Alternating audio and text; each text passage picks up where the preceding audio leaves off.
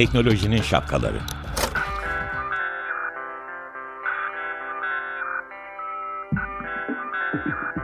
Bilgi ve iletişim teknolojileriyle güvenli ilişki için Banu Zeytinoğlu, Murat Lostar, teknolojinin tüm renklerini, siyah, beyaz, mavi, kırmızı şapkalarını konuşuyor.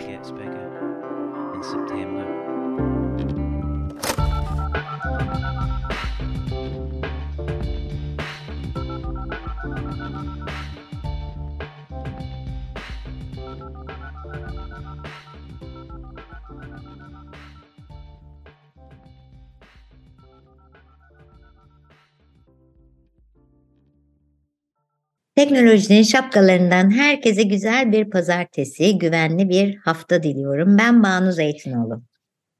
Ben Murat Lostar. Herkese iyi haftalar. Ee, iyi misin Muratcığım? Gayet iyiyim. Sen nasılsın Banu? Ben de iyiyim. Şahane. Ee, bir şey söyleyeceğim. Geçen gün biz işte e, ekiple toplantıda e, merak uyandıran bir e, durum ortaya e, çıktı. Yeni bu yapay zekanın e, hayatımıza girdiği yerler çok genişlemeye başladı anladığım kadarıyla. Yani öyle şeylerden bana bahsettiler ki işte efendim resimle ilgili şöyle şöyle bir resim yap benim için diyorsun. Detayları veriyorsun. Fırt diye 5 dakika bile sürmeden bir dakika içinde bir resim çıkıyor. İşte makale yazdırabiliyorsun falan gibi şeyler.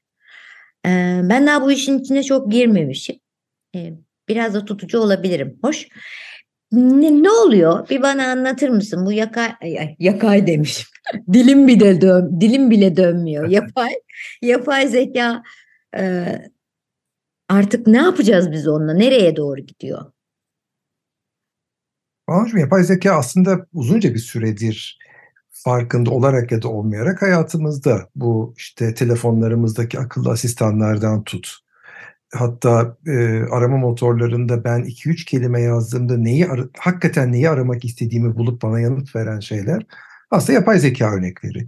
Üretimde kullanımı var, endüstride farklı endüstrilerde kullanımı var. Ama hakikaten bu aralar e, özellikle OpenAI isimli bir işte şirketin e, şeyiyle e, öncülüğüyle böyle çok güzel oyuncaklar çıkarmaya başladı. Yani herkesin kullanabileceği, herkesin deneyimleyebileceği oyuncaklar çıkarmaya başladı. E, bu oyuncakları tabii insanların bir kısmı oyun olarak kullanıyorlar. Bir kısmı ufak tefek işlerini yaptırtmaya başladılar. İşte ne bileyim bana şöyle bir makale yaz, şu konuda bir e, sosyal medya yazısı yaz, e, işte şu konuda bir blog yazısı yaz gibi. İşte hatta biraz abartıp kitap yazdıranlar, e, bitirme tezi yazdırmaya çalışanlar da var aslında buna. Peki bu e, insanın e, dehasını yani şunu söylemek istiyorum. Sen çok iyi bir e, kreatif bir takım işler yapan kişisindir. Reklam ajansında müthiş e, fikirler ve çizimler çıkartıyorsundur, öneriler çıkartıyorsundur. Yani bu insanı tembelleştirmeye doğru gitmez mi? Yani üretim tembelliğine, beynini, kendi öz beynini kullanarak gitmez mi? E, bir noktada oraya doğru gidecek ama hani bu cümleyi hesap makinesi içinde kullanamaz mısın? Yani işte e, eskiden herkes çok daha hızlı çarpıp bölerken ortalama vatandaştan bahsediyorum. E, hesap makinesi çıktığından beri bu azaldı. İşte Excel çıktığından beri daha da azaldı. Her şeyi bir anda yapıp oraya yükleyip sonuçlarını alıveriyoruz. Dolayısıyla pratiğimizi o anlamda azalttığı kesin. Ama e, nihai yatırımcılık bence olmaya ve durmaya devam ediyor. Çünkü bunlar bir anlamda daha önce görmediğimiz o yüzden şu anda e, kendi adıma söyleyeyim hayranlık duyduğumuz e, çok farklı bilgileri derleyip toparlayıp anlaşılır bir şekilde bana bir resim olarak bir yazı olarak sunabilme yeteneğine sahip ama e, orijinal yaratıcılık diyebileceğimiz işte sanatla tarifleyebileceğimiz bir yapı şu anda henüz yok yapay zekanın içinde. Evet ama şöyle bir şey var. Sen hatta geçenlerde bahsediyordun. Ee, şeyde Viyana'da değil mi? Rathauss'un önünde e, bir yeni yeni yıl zamanı zannedersem bir konser veriliyor. Bir bir şey çalıyor. Vivaldi evet, yani Vivaldi. E, Vivaldi gibi beste yapan bir yapay zekanın eseriymiş mesela o değil mi? Evet kesinlikle öyle. E, tabii aslında bu konuda dünyada da tartışmalar devam ediyor. E, yapay zekanın aslında bu anlamda kullanılıp bir yeni Vivaldi eseri çıkartmasını çıkartması durumunu e, düşündüğümüz zaman bu bir sanat eseri midir? Ya da bunu yapan yapay zeka sanatçı mı dememiz gerekiyor? Ya da işte e, tüm Picasso'ları inceleyip şu ana kadar yaratılmamış bir Picasso eserini e, yaratan diyelim, değerleyen e, bir yapay zeka yazılımı bir sanatçı mıdır?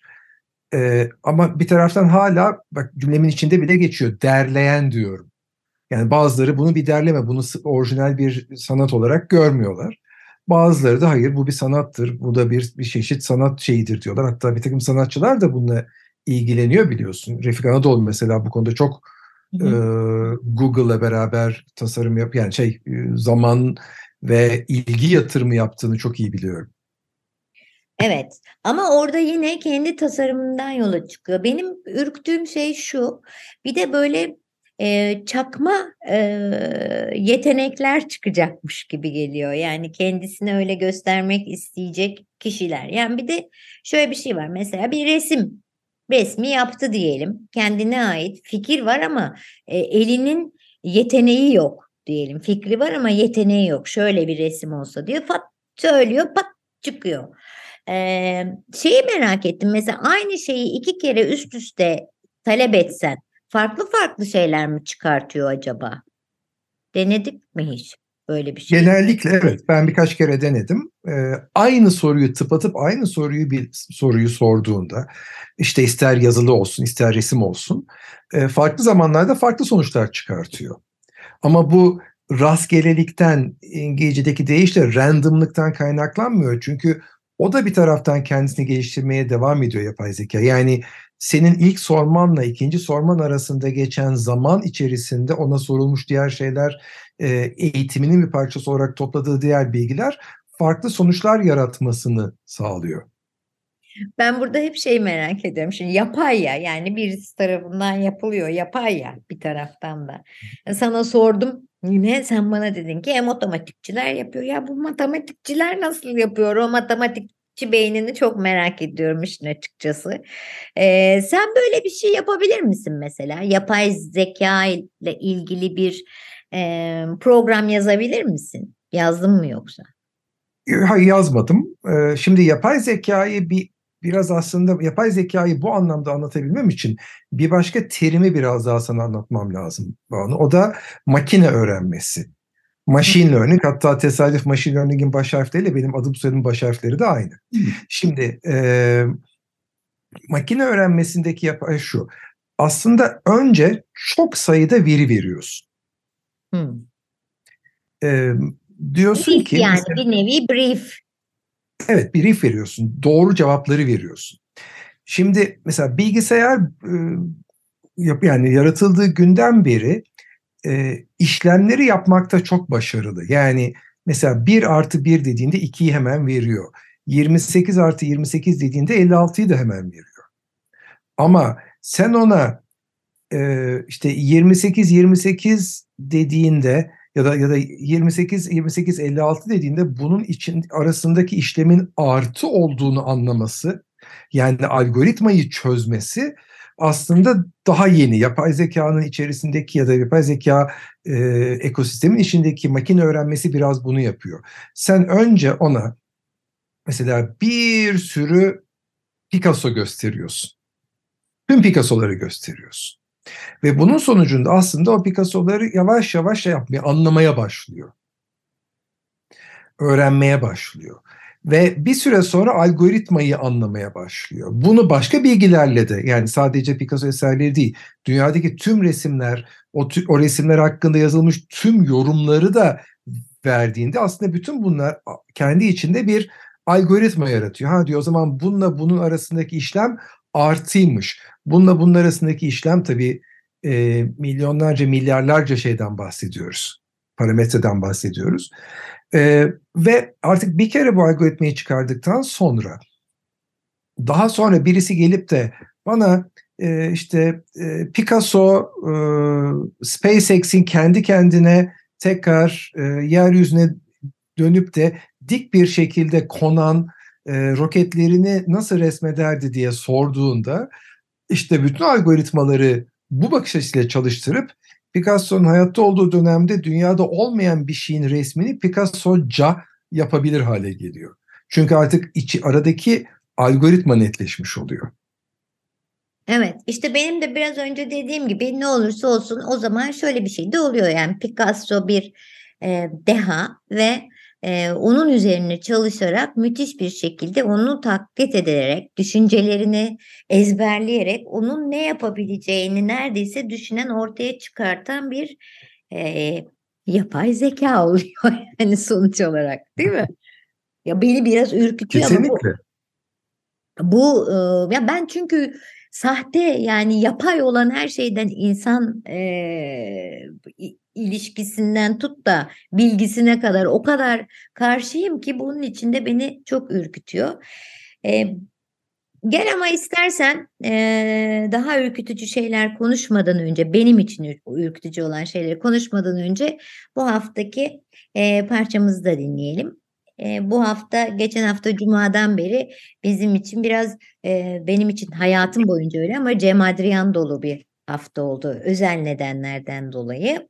Hadi gel şimdi benim porselen çocuğumdan Summertime dinleyelim. Ha? O harika. Pazartesi pazartesi herkesin Cem Adrian'ı dinlememiş olanlar da varsa eğer bir şaşırtalım onları. Şaşkın bir pazartesi olsun başlangıç için. Olsun. Cem Adrian'dan Summertime. Evet bu haftaki parçamız da benim porselen çocuğum Cem Adrian'ın yorumuyla Summertime'dı. Umarım çok zevk aldınız. Şimdi şöyle. Bana izin hemen araya giriyorum. Sen biraz önce hani yapay zekada aslında yapay zekanın gidip başka yerden bunu aldığını, çaldığını, taklit ettiğini bir anlamda söyledin. Hı hı. Öyle değil mi? Evet. Ee, hatta Picasso deyince zaten aklıma geldi. Picasso'nun çok güzel bir lafı var. Önce İngilizcesini söyleyeyim e, ya da ya da Türkçesini söyleyeyim. Zaten Picasso da yüksek olasılıkla İngilizce söylememiştir. Diyor ki e, iyi, iyi, art, iyi sanatçılar kopyalar, büyük sanatçılar çalar. Hmm. E, tabii bunu Picasso başka bir şey için söylüyor. Picasso bunu, Picasso'nun söylediği iddia ediliyor. Tam doğru mu bilmiyorum. E, Picasso bunu aslında doğayı taklit etmek ya da doğayı çalmak, doğanın sana yansıttıklarını anlatmak anlamına geliyor, da kullanıyor. Yapay zekada bir anlamda işte insanda olan yani bütün eserleri alıp oradan bir şey yaratıyor. Evet. Dolayısıyla önümüzdeki günlerde ciddi bir hatta belki halihazırda vardır ciddi bir felsefi tartışma da olacağını düşünüyorum bu konuda. Yani burada şöyle bir şey de var. Tamam mesela biraz önce Cem'i dinledik ya Cem Adrian. Onun çok doğal bir yeteneği var. Yani adamın sesinin renkleri, tonları, e, oktavı falan filan neyse bunlar tartışıldı zaten. Şimdi şöyle bir şey. Öyle bir şey yaratabilir ki yani canlı izleyemezsin belki ama sen o hayran olduğun insanın bütün o iyi, gerekli ve hatta temiz taraflarını öğrenip o kadar mekanik e, ve çalışılmış bir şekilde çıkıyor ki doğal yeteneğin üzerinde her şey o kadar hatasız oluyor ki o zaman e, ben aslında biraz galiba bu gerçek yeteneklerin e, karşısına mı çıkacak acaba diye ürküyorum. Tabii başka başka tehlikeler de var zannedersem. Şimdi biraz önce sen şey dedin aslında oyun gibi başladı dedin. Yani en tehlikelisi de o oyunmuş gibi olup hop ondan sonra nerelere gider.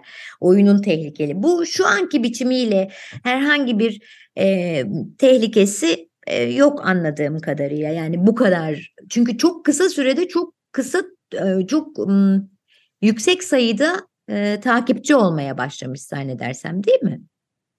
Doğru. Yani bir rekor kırdı chat GBT bu. Yani yazışarak yani sen bir soru soruyorsun ama hani bu arama motoruna bir soru sorar gibi değil. Bir konudaki fikrini soruyorsun. Sana e, gayet açık ve net uzun bir hani giriş gelişme sonuç anlamında da düşünebileceğin düzgün yanıtlar verebilen e, bir yapay zeka çözümü chat GBT bir rekor kırdı. E, ilk 1 milyon kullanıcıya ulaşmak için sadece 5 gün kullandı. Yani bu çok e, güzel. E peki bir de, bir de bunun birazcık iyi taraflarını da sen belki söyleyeceksindir. Yani benim e, korkak tarafımı biraz daha e, iyiye matrak tarafa çekeceksin ama mesela yine geçen gün konuşurken bu konuda e, benim sesimi taklit ederek ne ki ben e, şeyi İngiltere'yi yönetiyorum e, ve benim sesimi taklit ederek e, ve beni taklit ederek birileri bir şey yani de, telefon usul telefondan ya da sesli iletişimle e, çeşitli tapeler bile çıkabilir biliyor musun ortaya? Tabii. Ama zaten biliyorsun deep fake şimdi aslında bu yeni değil bağlı. Bu e, uzun zamandır vardı ama deep yani uzun zamandır deep fake kavramını belki daha ileride başka bir programda daha detaylı da konuşuruz. Ama bilgisayarlar bunun için çok daha mesela işte 5 dakikalık bir şey için çok daha uzun süre çalışması gerekiyordu bilgisayarın. Diyelim 5 dakikalık bir tape ne demekse işte o da hani yaratabilmek adına.